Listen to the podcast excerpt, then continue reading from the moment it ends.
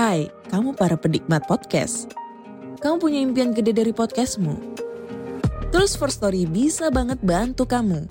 Mulai dari F-Link, Dynamic Audio Insertion, sampai statistik yang komprehensif. Semua ada di First Story.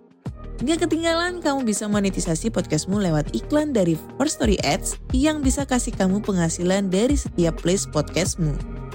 Yuk gabung sekarang dengan klik di firststory.me. Sekali lagi, klik di firststory.me. Mari kita bawa mimpi podcastingmu menjadi kenyataan. Selamat datang di podcast Cerita Sejarah Islam. Di sini teman-teman akan belajar dari kisah terbaik sepanjang masa, yaitu kisah nabi-nabi dalam Al-Quran, yang akan kami gali dengan lebih dalam lagi. Selamat mendengarkan!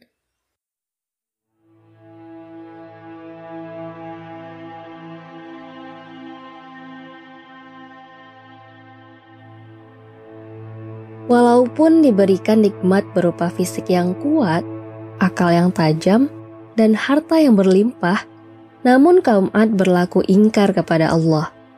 Mereka melupakan Allah dan menyembah patung-patung berhala buatan nenek moyang mereka.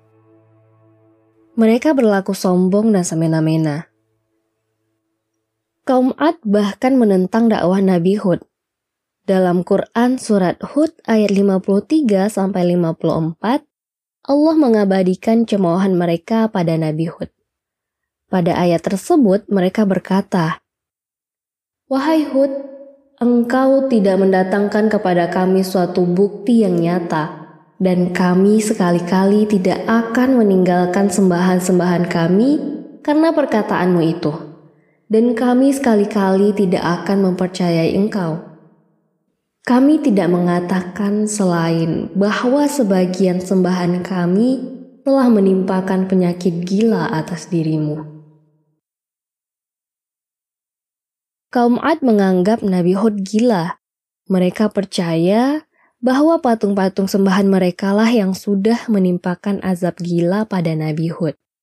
Namun, walaupun dituduh pembohong gila, Nabi Hud tetap mengajak kaumnya dengan kelembutan. Nabi Hud tak gentar sedikit pun dan tetap berusaha mengingatkan mereka pada nikmat Allah. Dengan penuh kesabaran, Nabi Hud menjelaskan bahwa berhala-berhala itu tidak memberikan manfaat dan mudarat sedikit pun kepada mereka. Berhala-berhala yang mereka sembah itu hanyalah benda mati yang tidak bisa melakukan apa-apa. Nabi Hud berkata pada kaumnya, "Jika berhala-berhala itu seperti yang kalian katakan dapat memberikan manfaat dan mudarat, aku nyatakan dengan tegas bahwa aku berlepas diri dari semua itu. Bahkan aku mengutuk berhala-berhala itu. Oleh sebab itu, kerahkanlah semua tipu daya yang kalian miliki. Jangan ditunda-tunda walau sebentar saja." Sungguh aku tidak peduli, tidak akan memikirkan dan tidak mau melihat kalian lagi. Nabi Hud benar-benar tak gentar terhadap kebengisan kaumnya. Tanpa takut, Nabi Hud menolak dan berlepas diri dari perbuatan kaumnya. Selanjutnya, Nabi Hud berkata, Sesungguhnya aku bertawakal kepada Allah Tuhanku dan Tuhan kalian tidak ada suatu binatang melata pun kecuali dialah yang memegang ubun-ubunnya. Sesungguhnya Tuhanku di atas jalan yang lurus. Perkataan Nabi Hud ini tercatat dalam Quran Surat Hud ayat ke-56.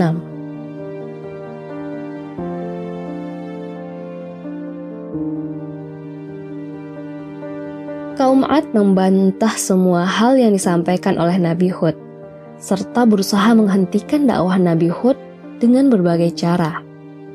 Mereka bahkan tidak mengakui kenabian Hud alaihissalam. Mereka beranggapan bahwa Tuhan tidak akan mengutus seorang rasul dari kalangan manusia biasa seperti mereka. Dan sebenarnya, kalau teman-teman perhatikan, alasan ini sering dijadikan sebagai dasar bagi orang-orang kafir untuk menolak dan menentang para rasul. Kaum Ad juga beranggapan bahwa hari kebangkitan itu merupakan suatu yang mengada-ada dan mustahil terjadi. Mereka tidak percaya bahwa kelak jasad mereka akan dibangkitkan lagi setelah menjadi tulang belulang yang hancur lebur bersama tanah. Allah bahkan mengabadikan penolakan mereka dalam Quran Surat Al-Mu'minun ayat 35 38.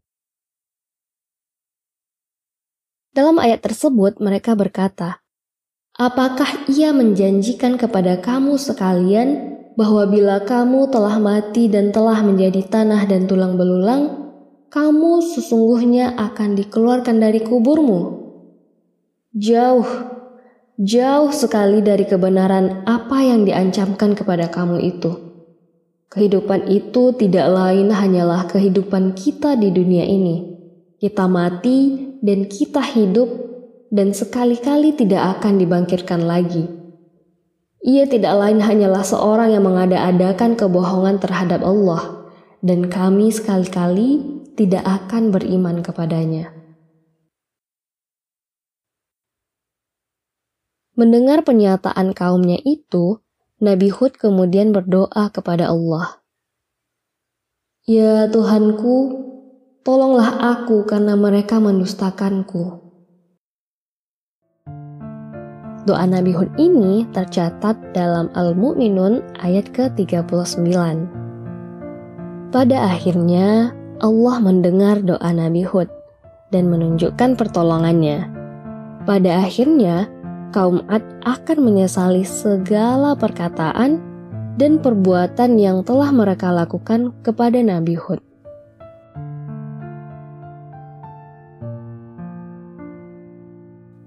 Cerita kedua dari serial kisah Nabi Hud sampai di sini dulu ya. Sampai jumpa di cerita selanjutnya dari serial kisah Nabi Hud. Wassalamualaikum warahmatullahi wabarakatuh.